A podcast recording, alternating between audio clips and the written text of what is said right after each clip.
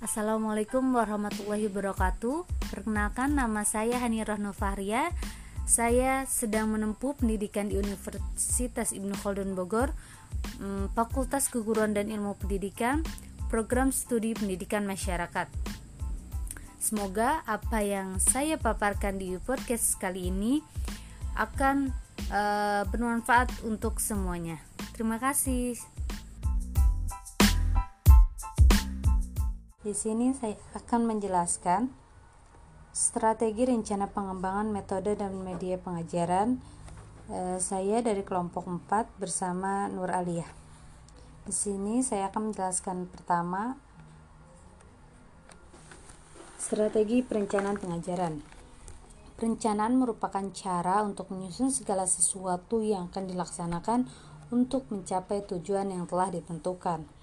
Dalam konteks pengajaran, perencanaan dapat diartikan sebagai proses penyusunan materi pelajaran, penggunaan media pengajaran, penggunaan pendekatan dan metode pengajaran, dan penilaian dalam suatu alokasi waktu yang akan dilaksanakan pada masa tertentu untuk mencapai tujuan yang telah ditentukan. Nah, dahulu mengajar siswa hanya menggunakan metode ceramah saja biasanya akan tetapi di zaman sekarang sudah banyak inovasi dan kreativitas uh, seorang guru uh, dalam menyampaikan sebuah pengetahuan seiring berjalannya waktu. Di sini saya akan menjelaskan beberapa metode pengajaran. Yang pertama ada metode demonstrasi, yaitu guru memberikan materi atau pembelajaran biasa dilakukan di depan siswa. Nah, selanjutnya ada metode inquiry, Metode ini merupakan metode yang mempersiapkan peserta didik pada situasi untuk melakukan eksperimen sendiri secara luas agar melihat apa yang terjadi, ingin melakukan sesuatu, mengajukan pertanyaan-pertanyaan, dan mencari jawabannya sendiri, serta menghubungkan penemuan yang satu dengan penemuan yang lain, membandingkan apa yang ditemukannya dengan yang ditemukan peserta didik lain. Selanjutnya ada metode eksperimen. Metode ini merupakan suatu bentuk pembelajaran yang melibatkan peserta didik bekerja dengan benda-benda, bahan-bahan, dan peralatan laboratorium baik secara perorangan maupun kelompok. Selanjutnya ada metode penemuan. Metode ini merupakan metode yang lebih menekankan pada pengalaman langsung. Jadi biasanya metode penemuan ini uh, turun langsung ke apa ke objeknya gitu. Selanjutnya ada metode karya wisata. Nah metode ini merupakan suatu perjalanan yang dilakukan oleh peserta didik untuk memperoleh pengalaman belajar terutama pengalaman langsung dan merupakan bagian integral kurikulum sekolah. Ini biasanya kalau sekolah yang apa tuh namanya? Yang sudah ada jadwalnya. Nah pasti menggunakan metode karya wisata biasanya ke museum atau ke tempat lainnya. Selanjutnya ada metode penugasan. Metode ini guru memberikan seperangkat tugas yang harus dikerjakan peserta didik baik secara individual maupun secara kelompok. Ini emang sampai sekarang itu masih ada ya dan selanjutnya ada metode ceramah. Nah, dari zaman dulu sampai sekarang metode ceramah ini pasti ada.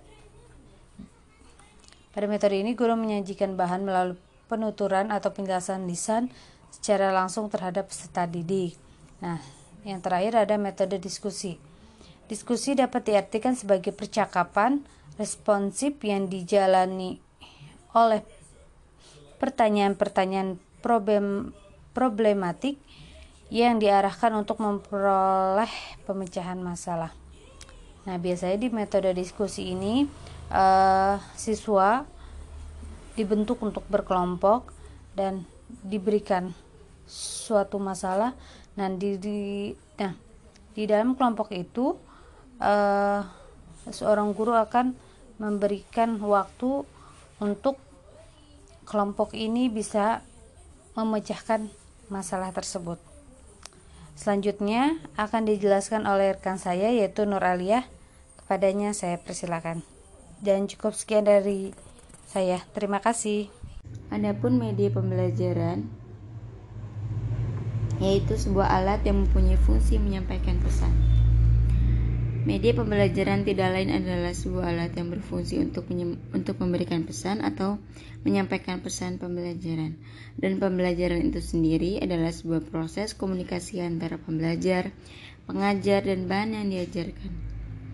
Adapun secara terminologi, beberapa tokoh mengemukakan pengertian media pembelajaran sebagai berikut, yaitu Hamalik 1994.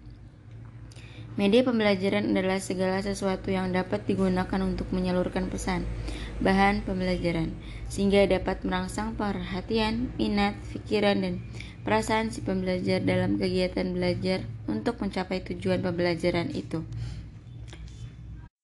Pengembangan media pembelajaran bisa melalui media berbasis audiovisual, yaitu adalah bentuk media pembelajaran yang juga murah dan terjangkau.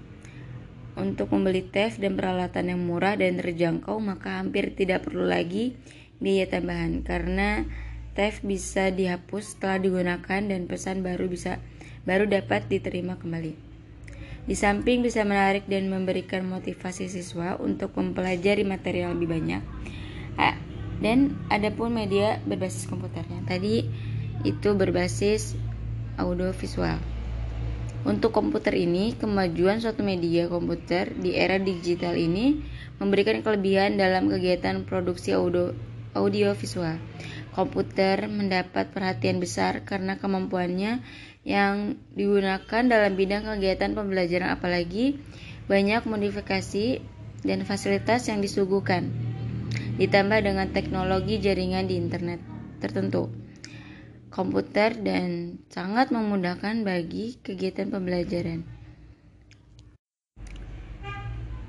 Adapun perencanaan pengembangan media pembelajaran itu yaitu perencanaan pengembangan media adalah suatu proses belajar mengajar dan e, memberikan pengertian mengenai permasalahan pembelajaran yang akan didiskusikan. Ada beberapa hal yang harus diperhatikan dalam merencanakan sebuah media pembelajaran.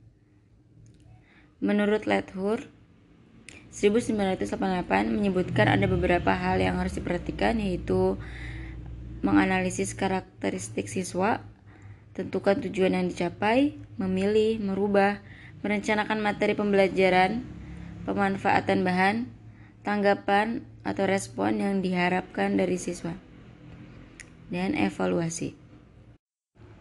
Manfaat media pembelajaran yaitu adalah mempelancar interaksi antara guru dengan siswa sehingga kegiatan pembelajaran akan lebih efektif dan efisien. Tetapi secara lebih khusus ada beberapa manfaat media yang lebih rinci.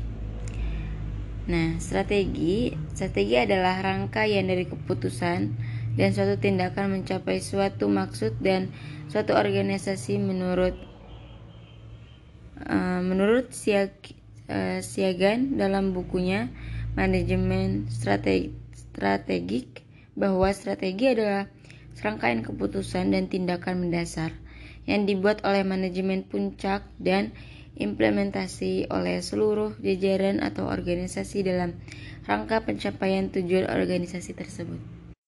Adapun kendala-kendala dalam strategi pengembangan media pembelajaran Nah, kendala-kendalanya yaitu pertama belum memadainya sumber daya manusia khusus untuk tenaga yang menguasai TIK ICT baik sebagai instruktur maupun operator.